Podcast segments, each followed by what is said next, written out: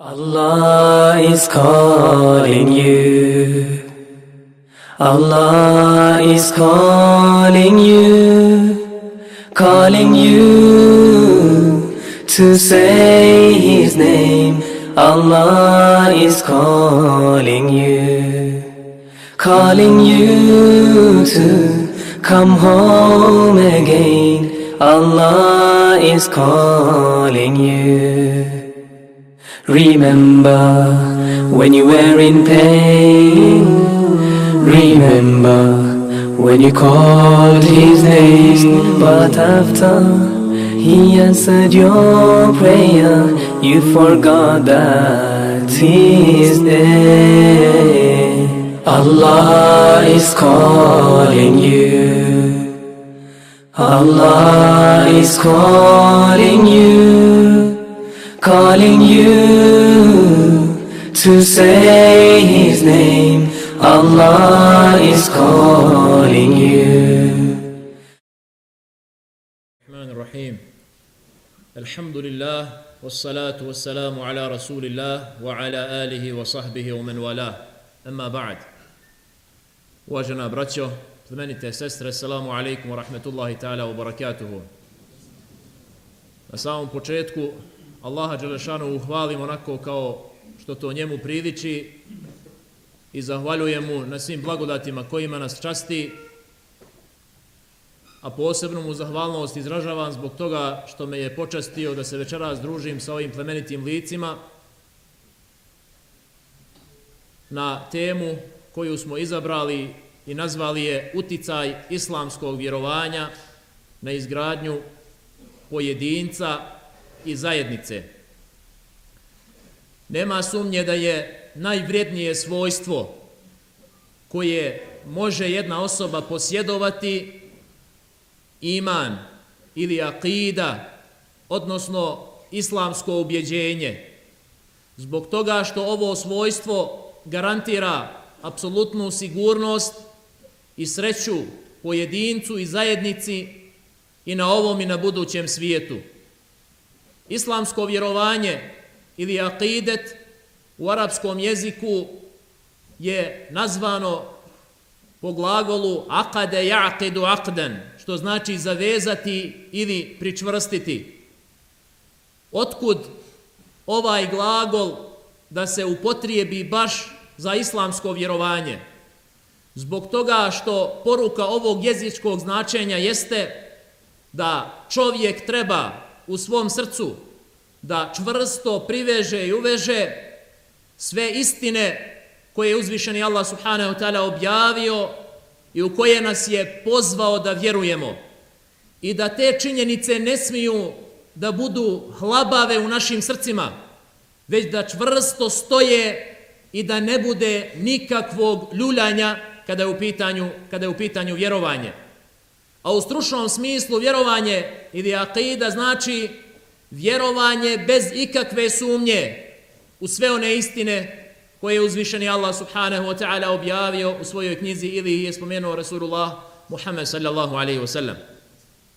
Na samom početku ću spomenuti nekoliko aspekata koji govore koliko je važno čvrsto ispravno vjerovanje u srcu pojedinca i koliko je važno ovo svojstvo da postoji da bismo izgradili pravu zajednicu kojoj stremi, kojoj stremi islamski šerijat.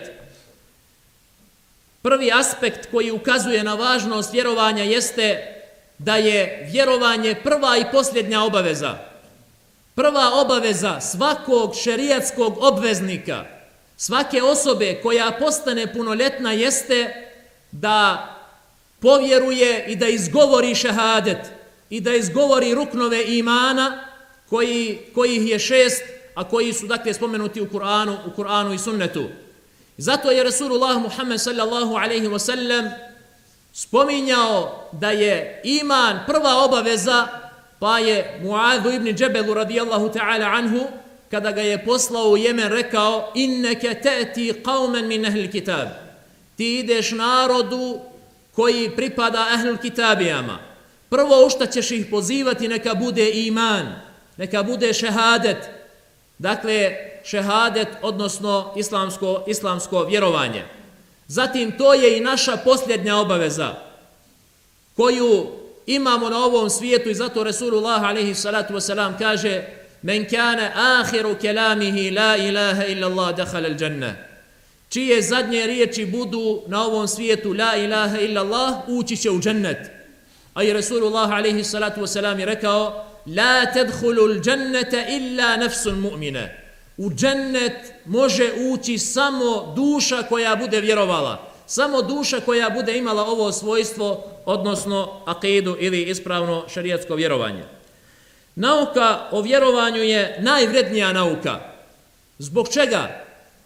Ako cijenimo nauku shodno tome e, o čemu govori određena nauka, onda nema sumnje da je najvrednija i najkorisnija nauka ona nauka koja govori o Allahu Đelešanuhu, o njegovim uzvišenim svojstvima, o njegovim prelijepim imenima o melekima, o džennetu, džehennemu, o sudnjem danu i o istinama koje je uzvišeni Allah subhanahu wa ta'ala objavio. Zatim, nauka o vjerovanju približava čovjeka Allahu subhanahu wa ta'ala. I zato što više imaš znanja iz oblasti vjerovanja, akide, sve si bliži Allahu Đelešanuhu i sve si bogobojazniji i na e, što ljepši način mu izražavaš strahopoštovanje. Zato je Rasulullah sallallahu alaihi wasallam čovjek koji je najbolje poznavao Allaha, čovjek koji je najviše imao znanja iz ove oblasti, on je bio ujedno i najbogobojazniji i govorio je sallallahu alaihi wasallam Ela inni ahšakum lillahi wa atqakum leh. Ja se najviše Allaha subhanahu wa ta'ala od vas bojim. Zbog čega? Zbog toga što je imao najčvršće vjerovanje i zbog toga što je najbolje poznavao ovu, ovu oblast.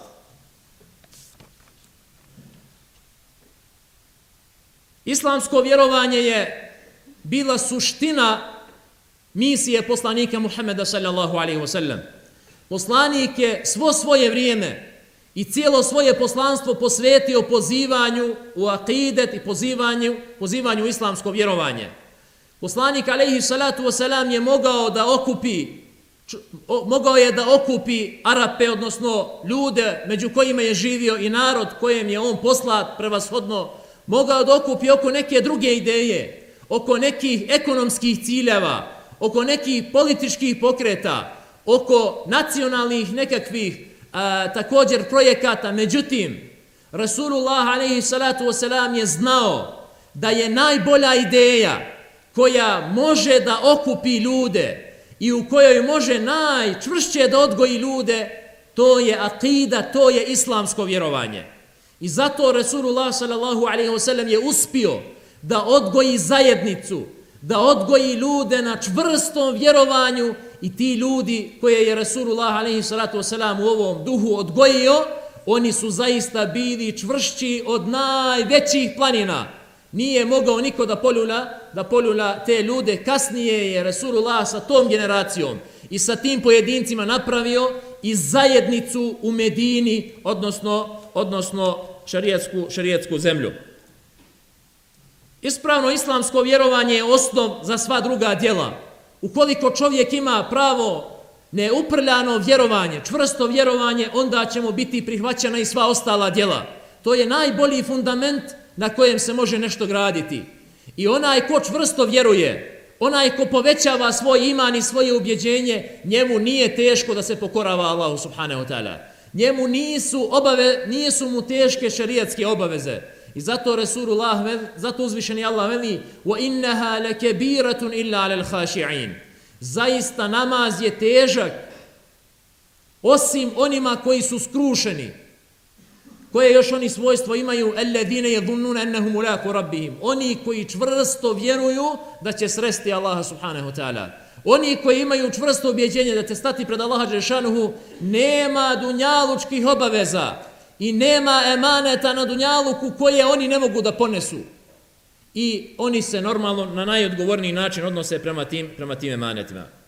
Zatim, ponos, dostoj, ponos, dostojanstvo, vlast, namjesništvo na zemlji pripada onim pojedincima i onoj zajednici koja bude se odgojila na ovim principima i na ovim postulatima. Uzvišeni Allah kaže Innal arda lillahi yurithuha man yashau min ibadi.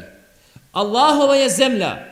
Sva zemlja je Allahova. On je daje u nasljedstvo kome hoće od svojih robova. Od njegovih robova koji zasluže to.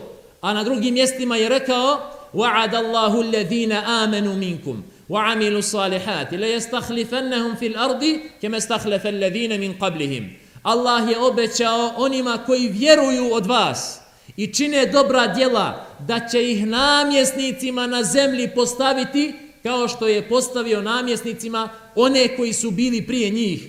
Dakle, ovo je svojstvo koje te delegira da zaslužuješ da budeš Allahov namjesnik i ukoliko se napravi zajednica od ovakvih pojedinaca, uzvišeni Allah će im povjeriti emanet da budu njegovi pravi namjesnici na zemlji i da zastupaju Allahov subhanahu wa ta'ala poredak.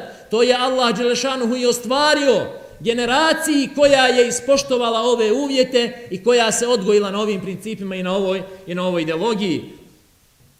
Puno također ima primjera u historiji čovječanstva gdje je uzvišeni Allah ispoštovao ovo svoje obećanje prema narodu koji je ispoštovao ovo svojstvo. Sjeti se samo Benu Israila, naroda Musa alaihi salatu wasalam. Oni su bili najniži sloj društva kod faraona. Bili su porobljeni, bili su robovi, nisu posjedovali čak svoje živote, nisu posjedovali i mogućnost da upravljaju sa a, bilo kojom vrstom imetka. Ali Allah subhanahu wa ta'ala ali Allah subhanahu wa ta'ala kaže, nagovještava da će i on namjesnicima postaviti na zemlji.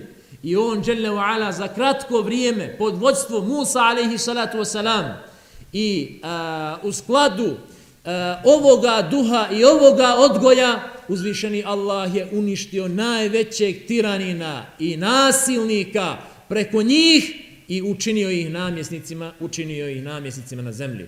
I pogledajte, poslušajte suru Kasas, iščitajte suru Kasas i nećete se moći načuditi čudu kako Allah subhanahu wa ta'ala spominje priču o faraonu i Musaovom narodu, spominje da su oni porobljeni.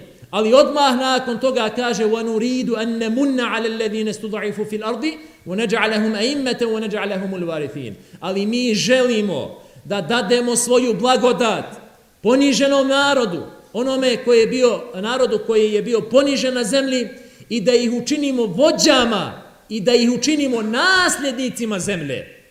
I to je Allah subhanahu wa ta'ala ispoštovao, ispoštovao za kratko vrijeme. Zatim, poniženje i poraz i propast pojedinaca i zajednice dolazi onda kada izgube ovo svojstvo, kada izgube ispravno vjerovanje, ispravan odnos prema Allahu Đelešanuhu i poslaniku Muhammedu sallallahu alaihi wa sallam. Razmisli malo o e, narodima koji su bili prije nas. Ni jedna civilizacija, ni jedan narod nije propao zbog siromaštva. Nije propao i nestao i bio uništen zbog toga što je bio sla, ovaj slab, što je bio nejak. Nisu propadali zbog toga.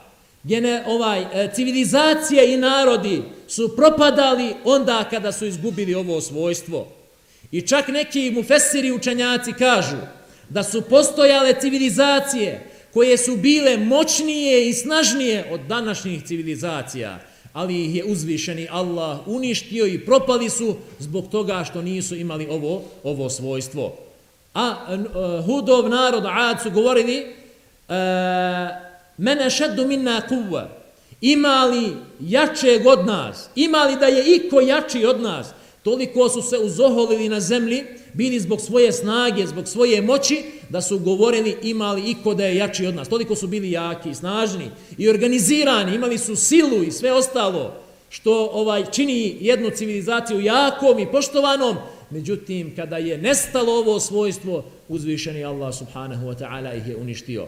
Zato jako je bitno da na svim poljima budemo jaki, ali osnova i temelj, fundament na koji moramo da vodimo računa jeste akida islamije, ispravna islamska akida, odnosno vjerovanje, odnosno ideologija, da odgajamo naše generacije i naš obrazovni sistem od jaslica, od vrtića, pa sve do doktorskih studija, preko osnovnih škola, srednjih škola, fakulteta, da imamo sistem koji će odgajati prave pojedince, prave ljude i prave, dakle, članove jednoga, jednoga društva, ukoliko mislimo da opstanemo i koliko mislimo da budemo uh, civilizacija koja zaslužuje poštovanja i od Allaha subhanahu wa ta'ala i od ljudi. Zatim, iman, akida, vjerovanje, je glavno svojstvo koje ti garantira sreću i zadovoljstvo.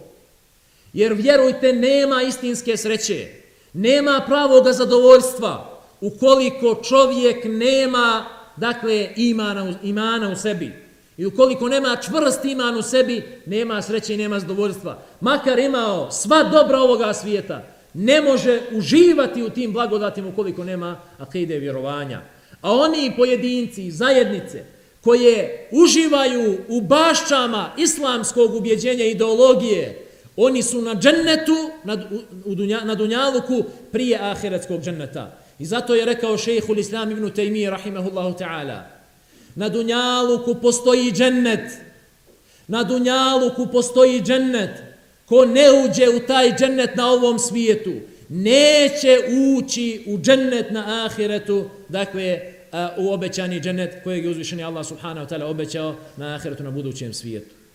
A taj džennet jeste iman, jeste vjera, jeste ideologija koju je uzvišeni Allah objavio u Kur'anu i koju je pojasnio poslanik Muhammed alaihi salatu wasalam. I, na, i e, posljednji aspekt koji ću spomenuti, a koji govori kako e, je bitna e, ideologija, naša ideologija, koja se bazira na a, jasnim izvorima i pravim izvorima jeste da a, je da islamsko vjerovanje ima najveći uticaj najveći uticaj na pojedince i na zajednice. Ne može ni jedan zakon, ne može zakon najmoćnije države da natjera ljude da poštuju određene principe kao što je to islamsko vjerovanje. Vjerujte, što su oštriji zakoni, postoje pojedinci, dakle, dunjaluški zakoni koji reguliraju ova društva, postoje pojedinci, postoje mase i organizacije i grupe koje to sve više motivira da ih krše.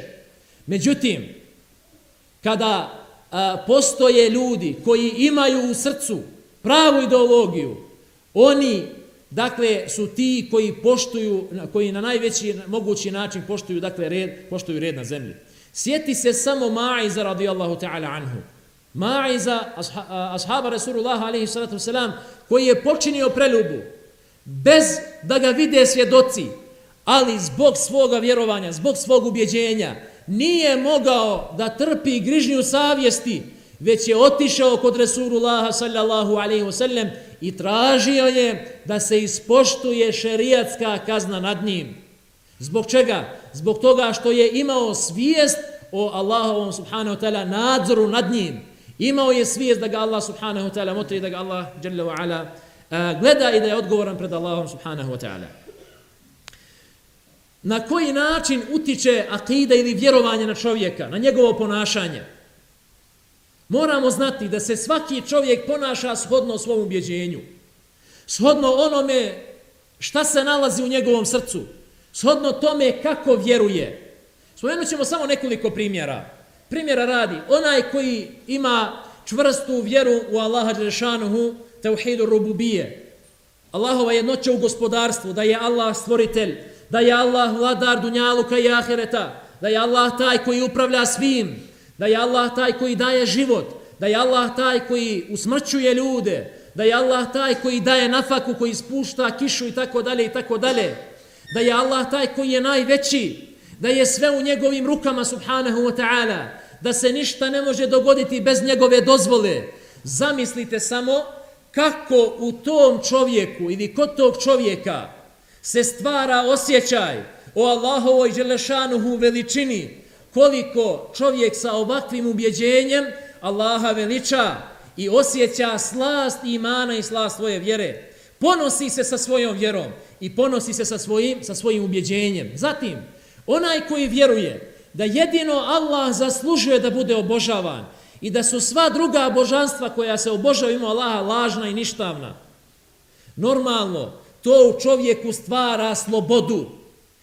A, slobodu da ne robuje nikome drugom mimo Allahu subhanahu wa ta'ala. Jer puno postoji božanstava na ovom svijetu, lažnih božanstava. I sva ta božanstva žele svoje robove, žele da porobe ljude. I onda ljudi uglavnom upadnu u, ove zam, u ovu zamku i onda robuju e, mnogobrojnim božanstvima. Ne robuje samo jednom božanstvu, nego, nego robuje na desetine božanstava. I onda zamislite rastrojstvo toga čovjeka. Ne može ni jedno božanstvo da zadovolji. I Allah Žešanu spominje taj primjer i primjer onoga koji robuje samo jednom istinskom božanstvu, a to je Allah subhanahu wa ta'ala. To je čovjek koji je smiran, to je čovjek koji je zadovoljan, to je jedini čovjek koji je slobodan i nema slobode osim u robovanju Allahu Đelešanuhu.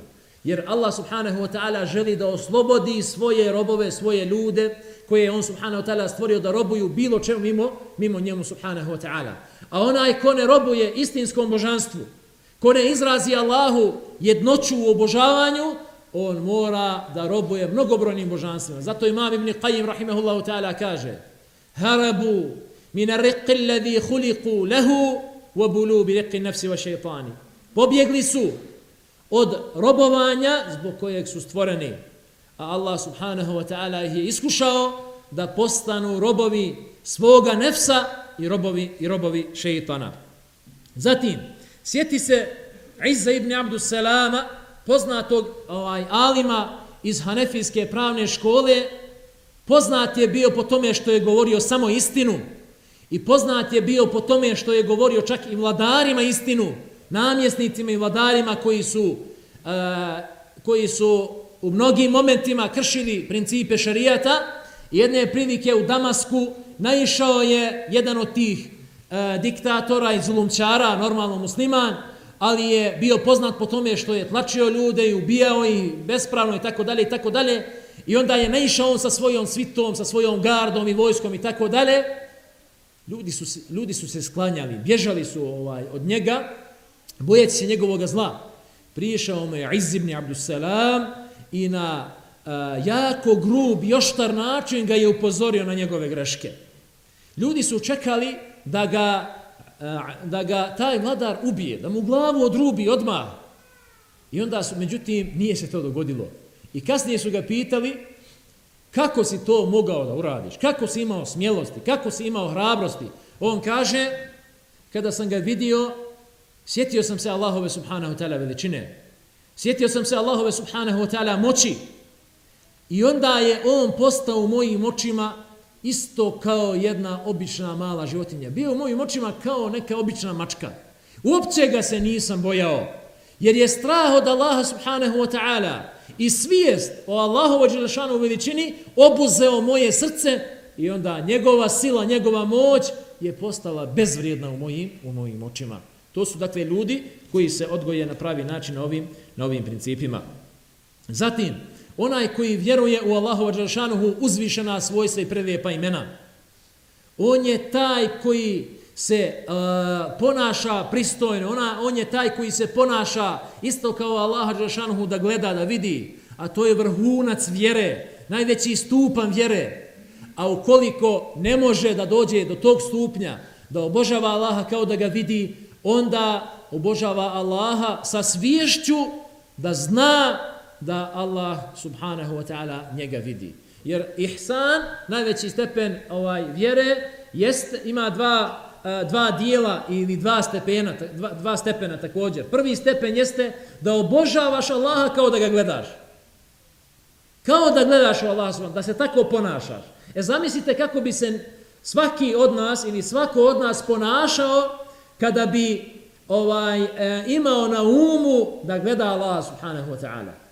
Kako bi se pristojno ponašao i u kući, i u namazu, i badetu, i na ulici, i na poslu, i tako dalje, i prema emanetima, ali ako ne može neko da ostvari taj stepen ihsana, onda je niži stupanj tu, a to jeste da se ponašaš imajući ovaj e, svijest i a, osjećaj da ako ti Allaha subhanahu wa ta'ala ne vidiš, onda on, on, tebe, on tebe vidi. I zbog toga kada je spominju učenjaci u svojim dijelima, u svojim knjigama, priču dvoje mladih koji su se osamili ovaj, u mrkloj noći i onda kaže a, ovaj muškarac, djevoj kaže la je rana ila kevakim.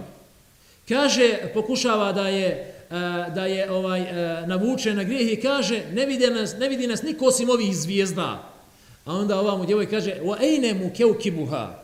A gdje je stvoritelj ovih zvijezda? Zar nas on ne vidi? I to je bio sebeb i razlog da oni e, odustanu od nakane, od nakane, dakle, ovaj e, prema prema e, dakle, ovaj nemoralu i tom sramnom sramnom činu. I zamislite kada čovjek sebe odgoji onako uh, uh, ovaj izučavajući Allahova subhanahu wa ta'ala subhanahu wa ta'ala svojstva. I Allah Žešanuhu je svoja svojstva spomenuo u Kur'anu i u sunetu poslanika sallallahu alaihi wa sallam da bismo se mi odgojili shodno tim svojstvima i da bi ta svojstva na nas ostavila pedagoški uticaj, odnosno pedagoški, uh, pedagoški efekat. Onda onaj koji vjeruje u Allahove subhanahu wa ta'ala meleke, u Allahu Žešanuhu vojsku, za koju Resulullah sallallahu alaihi wasallam kaže etati sema, zaškripela su nebesa, wa huqa laha anta it, a imaju pravo nebesa da škripe, kad na njima ne postoji prostor nikoliko jedan pedalj, a da nema melek koji čini seždu Allahu subhanahu wa ta'ala. Zatim Rasulullah sallallahu alaihi wasallam pita Meleka Džibrila za Bejtul Ma'amur, za Kjabu koja je na sedmom nebu, Kabu za stanovnike nebesa, kaže šta je ovo o Džibrile, a on kaže ovo je Bejtul Ma'amur. Svakog dana u njega uđe 70.000 meleka koji se nikada više tu ne vraćaju. A svakog dana po 70.000 meleka uđe. E zamisli, ti kada vjeruješ u postojanje meleka, oni su tvoj tabor, ti nisi više sam i ti si uvijek mnogobrojniji od onih koji su na suprotnoj strani od nevjernika, od kafira i od Allahovi Žešanuhu neprijatelja. I to ulijeva u tebi samopouzdanje, to ulijeva u tebi hrabrost, odlučnost i tako dalje. E, onda također onaj koji ima ispravno vjerovanje po pitanju principa el wala wal bara, ljubavi prema dobru i mržnji prema zlu. Jer jedan od e, najbitnijih principa naše vjere jeste da čovjek treba i obavezanje da izražava prijateljstvo prijateljima, onima koji su prijatelji istine, a također da bude neprijatelj neprijateljima. To je postulat, jer ukoliko čovjek primjera radi, a, izražava prijateljstvo neprijateljima ili potpomaže neprijatelje protiv istine i njenih sledbenika, on može da izađe iz Allahove subhanahu wa ta'ala vjere. Spomenut ću samo jedan primjer. Kako je jedan učenik iz medrese Resulullaha sallallahu alaihi wasallam naučio ovaj princip. I kako je to kasnije djelovalo na njegovu praksu. A to je Kaab ibn Malik. Iz one poznate dugačke priče koja je e, mnogo poučna i iz nje su učenjaci izvukli na stotine fajdi, odnosno naučnih, naučnih koristi. Rasulullah ga bojkotuje 50 dana, niko sa njim ne priča. Zemlja mu u Medini postala tijesna, Rodbina ga bojkotuje, žena ga izbjegava u kući. I kaže on, stijesnila mi se duša, kaže, i e, baš u tim momentima, jednog dana ja izašao u čaršiju, kad ovaj e, izaslanik kralja Gasana, kralja Gasana, a to je mjesto u ovaj oblast u Jemenu, kaže, govori, ejne Ka'b ibn Malik, gdje je Ka'b ibn Malik? I onda su mu ljudi pokazali prstom na mene. I on mi je, kaže, donio pismo i u tom pismu stoji, zamislite, obraća mu se kralj jednog mjesta, jedne oblasti, prvi čovjek, vladar. I kaže, čuli smo da te izbjegava tvoj vođa, tvoj pretpostavljeni, da te izbjegava, da te bojkotuje, da ti je priredio težak život, ne, ovaj, e, nepodnošljive posljedice i okolnosti. Kaže, ta'ala bina novasik. Kaže, dođi kod nas, mi ćemo ti dati utočište. Šta znači dođi kod nas? Nije samo da dođe da otputuje i da se prošeta do njih. Dođi kod nas, budi uz nas, radi za nas, e, izdaj svoju državu, izdaj svoj narod, izdaj svoju instituciju izdaj e, svoje interese, interese islama i muslimana i domovine i tako dalje. To je bila poruka. Šta je on uradio? Je li se odazvao? Kaže, istog momenta sam pocijepao i bacio u furunu taj, taj papir. Zbog čega? Nisam, kaže, dozvolio ni da pročitam drugi put to pismo. Da ne bi šeitan počeo da radi ovaj sa mnom i da pokušava da me prevari. Odma sam, kaže, pocijepao to i nisam ni jednog momenta razmišljao imao dileme, imao dileme na tu temu. Nije rekao kao što mnogi danas kažu, pa Boga mi nisam ja kriv, vi ste me odbacili, ja sam morao, morao sam mede sebi da nađem, da nađem sebi utočište, pa nije smetnja, nema problema, ovo je samo ovaj uh, suradnja na, na nekim normalnim principima i tako dalje. Ne, ne, ne, ne. Ovo ne može da se dogodi, ne može da se dogodi izdaja vitalnih interesa islami muslimana od ljudi od akide, od ljudi koji su se odgojili na pravim izvorima, na izvorima Kur'ana i sunnata Resulullaha sallallahu alaihi wa sallam.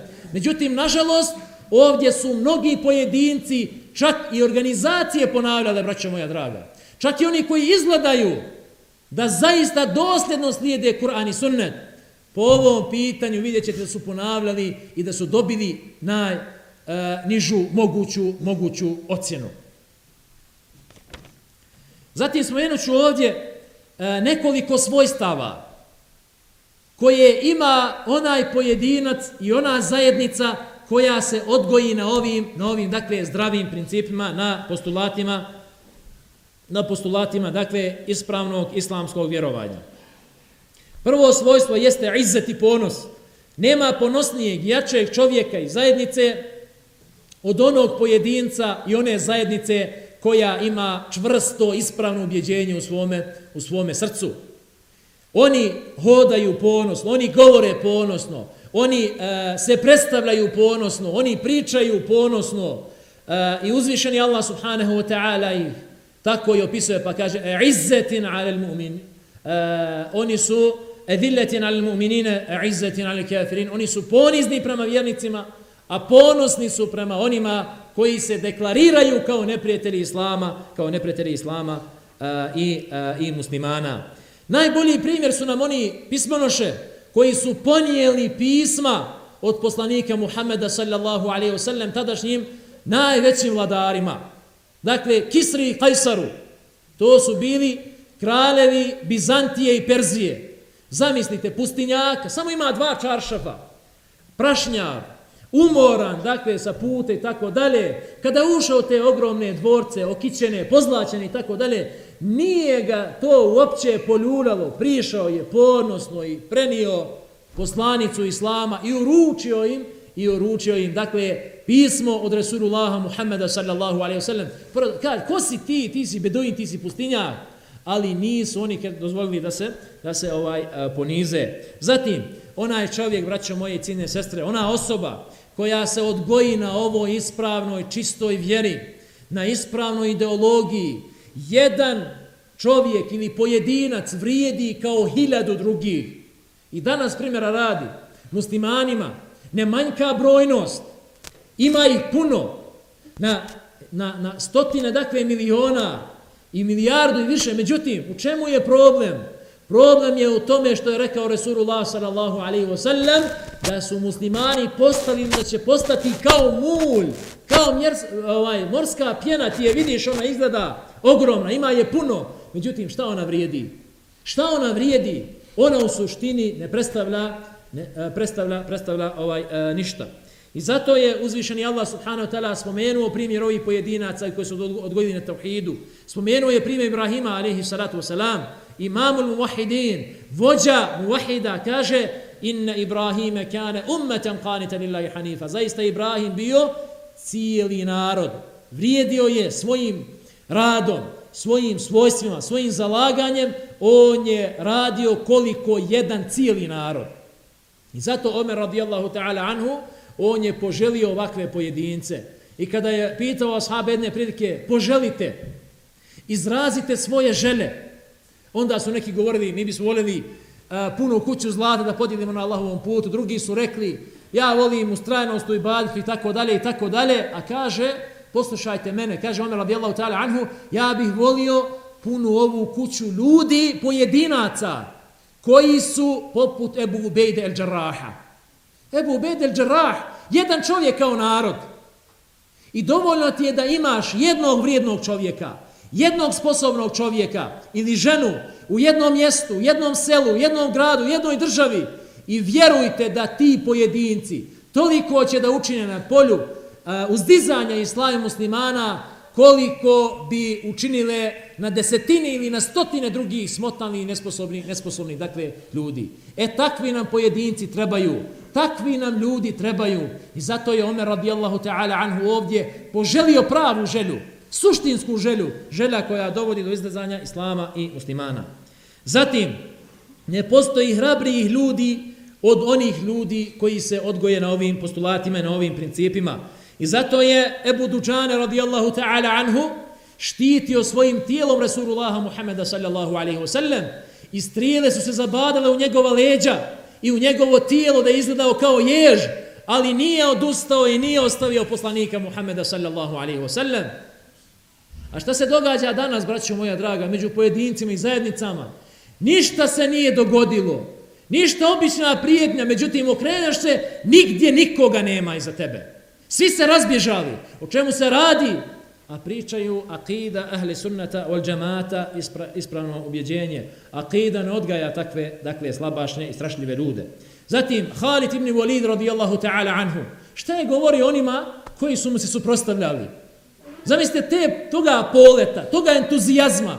Kaže, ne možete se sakriti od mene. Da se na nebesa popnete, ja ću doći do vas. Znači, nema vam izlaza.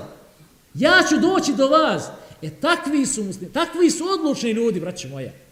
Takvi su odlu, odlučni ljudi i nema prepreka, nema ne može.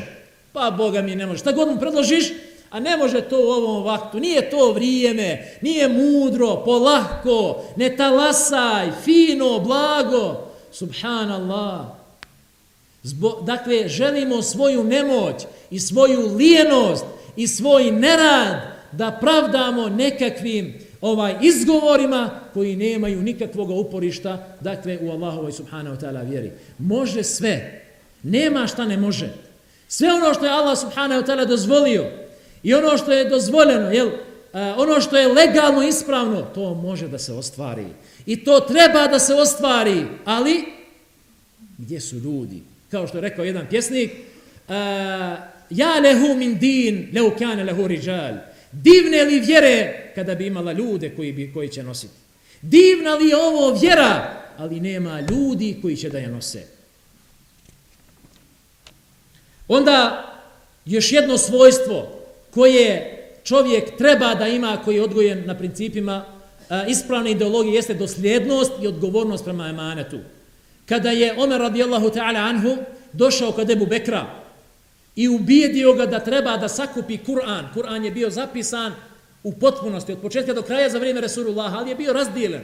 Ti suhufi na listovima, na koži i tako dalje, to je bilo podijeljeno na, dakle, među ashabima. Nije bilo na jednom mjestu. I onda je Omer ubijedio Bekr da treba da sakupi Kur'an na jednom mjestu, mushaf. I onda je Ebu Bekr opirao se u početku i tako dalje, međutim prihvatio je, vidio da je u tome interes naše, naše vjere. I zadužio je komisiju Hafiza na čelu sa Zejdom ibn Thabitom. Zejd ibn Thabit je jedan od najučenih, dakle, ashaba po pitanju Kur'ana. I kaže Zejd ibn Thabit, pogledajte, ispra, pogledajte šta, šta znači čovjek. Šta znači normalan insan?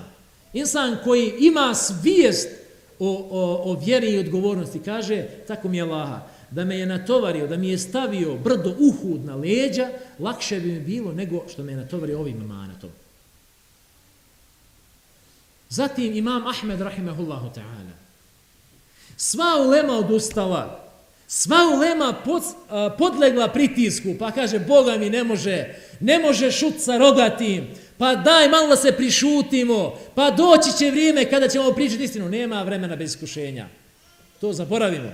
Neće doći do sudnjeg dana vrijeme u kojem neće biti iskušenja i pritisaka.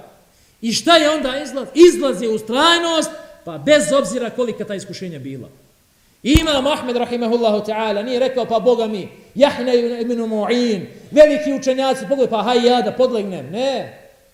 nego je ustao i rekao nije Kur'an stvoren. Jer znali su oni na šta će da udare. Da negiraju Allahov govor, a negiranjem Allahovog govora je u stvari negiranje Kur'ana. I onda Kur'an nema toliku važnost u srcima muslimana. Nema toliko, pa nije to, to je obično stvorenje kao i sva druga stvorenja. A druga je priča kada ti znaš da je Kur'an Allahov govor. Da je Kur'anom od El-Fatihe do sure nas Allah progovorio. I da ga je Džibril direktno čuo i da ga je poslanik Muhammed sallallahu alaihi wa sallam preuzeo od meleka Džibrila. Bez ikakvih izmjena nije Kur'an stvoren i ustao imam Ahmed rahimahullahu ta'ala. Halifa bičuje udara, nema veze. Dobrodošli bičevi na Allahovom putu na putu spašavanja i čuvanja, čuvanja i odbrane Kur'ana i sunnata Rasulullaha Muhammeda sallallahu alaihi wasallam. I zato nisu za džabe učenjaci rekli uzvišeni Allah je pomogao istinu i pomogao ovaj umme sa dva čovjeka u dvije jako teške situacije. To jeste pomogao je Islam i sunnet i Kur'an. Ebu Bekrom radijallahu ta'ala anhu u vremenu fitne oko zekijata i ovaj odmetništva i pomogao je islam sa imamom Ahmedom rahimehullahu ta'ala kada je sva ulema kada je sva ulema podlegla. I zato braćo moja draga, i na našem ovdje prostoru, na prostoru domovine Bosne i Sanđaka, i cijelog Balkana, puno je bilo hođa, puno je bilo imama, puno je bilo uleme. Ko se spominje od njih? Spominju se oni koji su istinu govorili. Koliko je bilo rejsul ulema? Puno. Preko deset. Međutim, ko se spominje? Koga znaju ljudi? Znaju Džemaludina Čauševića, rahimehullahu ta'ala, koji kada mu je došao kralj iz Beograda, rekao, premjesti sjedište islamske zajednice iz Sarajeva u Beograd, on kaže, evo tebi Ahmedija, pa budi ti hođa ovome narodu i onda premještaj sjedište gdje hoćeš, a dok sam ja živ, dok ja nosim ovu Ahmediju na svojoj glavi, ja ne odustajem od ovih principa. I to je gest koji je uzdigao toga čovjeka. I oni imam, i ona ulema koja je stala uz narod, koja je stala uz istinu, ona je, dakle, ona je, ona je ostala zapisana u historiji čovječanstva i u istoriji našeg naroda zlatnom vodom. Tako će i biti do sudnjega dana. Zatim također, ljudi, pojedinci i zajednica koja se odgoji na principima ispravne ideologije, ona ne krši ugovore. Oni ne krše ugovore koje su dali Allahu subhanahu wa ta'ala, odnosno ugovore na koje pristanu. وَالْمُوفُونَ بِعَهْدِمِ ذَا عَهَدُ oni, ne, oni ispunjavaju svoje ugovore i obećanja kada pristanu, kada pristanu na njih. A ona je, braćo moja draga, koji je spreman da prekrši ugovor sa ljudima, odnosno sa Allahom subhanahu wa ta'ala, ugovor sa Allahom Žešanu kada prekrši, on će lakše prekršiti ugovor sa, sa ljudima i u to nema nikakve sumnje. Zatim, čvrstina postoja i postojanost na principima bez obzira na sva iskušenja. Dakle, jedino pojedinci zajednica koja ima ispravnu ideologiju, čvrst iman u sebi, dakle, ispravno vjerovanje koje uvijek odgaja, koje ovaj nadograđuje, koje uvijek uvećava, o kojem brine, brine, dakle, oni su čvrsti i postojani poput najčvršćih i najžešćih, dakle, planina i brda. Sjeti samo primjera Sihirbaza u vremena Faraona. Sihirbaz je bilo većeg straha i veće prijednje koja je njima upućena. Da će ih Faraon poubijati, da će im posjeći i ruke i noge u nakres, tako dalje i tako dalje. Šta su oni rekli? Jesu rekli, pa Boga mi stan da vidimo, da razmotrimo ovo, pa nije mudro sada ovako nastupam da suprostavim i tako dalje i tako dalje. Ne, rekli su a, mi se Allahu subhanahu wa ta'ala vraćamo i mi smo povjerovali u Allaha Đešanuhu, ti sudi, ti sudiš samo na ovom svijetu, Allah subhanahu wa ta'ala je pravi sudija a, i njegov sud je glavni, glavni sud. Zatim, ovi ljudi, ovi pojedinci, zajednica koji imaju ovakvu ideologiju, ovakav temelj i fundament, oni su pobjednici bez obzira šta da se dogodi. Šta god da se dogodi na ovom svijetu, ti si pobjednik. Ti nisi gubitnik. I zato ovaj može se dogoditi jedno od dvije, od dvije stvari, jeste pobjeda i ponos i dostojanstvo na ovom svijetu, a druga dobra stvar ili dobri završetak jeste da čovjek umre na istini, da ovaj se žrtvuje, radi istine i da zasluži Allahovo subhanahu wa ta'ala zadovoljstvo. Zato je imam Ibn Taymiyyah rahimahullahu ta'ala u čijem vremenu su se u čijem vremenu se sva ulema bila skupila da mu se suprostavi, da se bori protiv njega, pa ga zatvarali, pa bio u zindanu, po zatvora, tamo i preselio, i preselio, ali je ovaj samo on poznat iz tog vremena. Niko se više ne spominje. Ko, gdje su ti drugi koji su sprostali njemu? Nigde ih nema.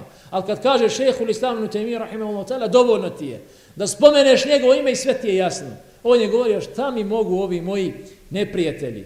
Kaže, ako me protjeraju iz moga mjesta, to je meni ovaj hijđa na Allahovom putu. Ako, poznata izgledka koja je poznata svima vama, kaže, ako me zatvore, a, i liše me slobode, kaže, to je meni osamljivanje sa Allahom subhanahu wa ta'ala, a ako me ubiju, kaže, to mi je pogibio na Allahom subhanahu wa ta'ala putu, ja sam ubije do, dobitnik i dakle, u nijednoj kombinaciji ne mogu, ne mogu da izgubim.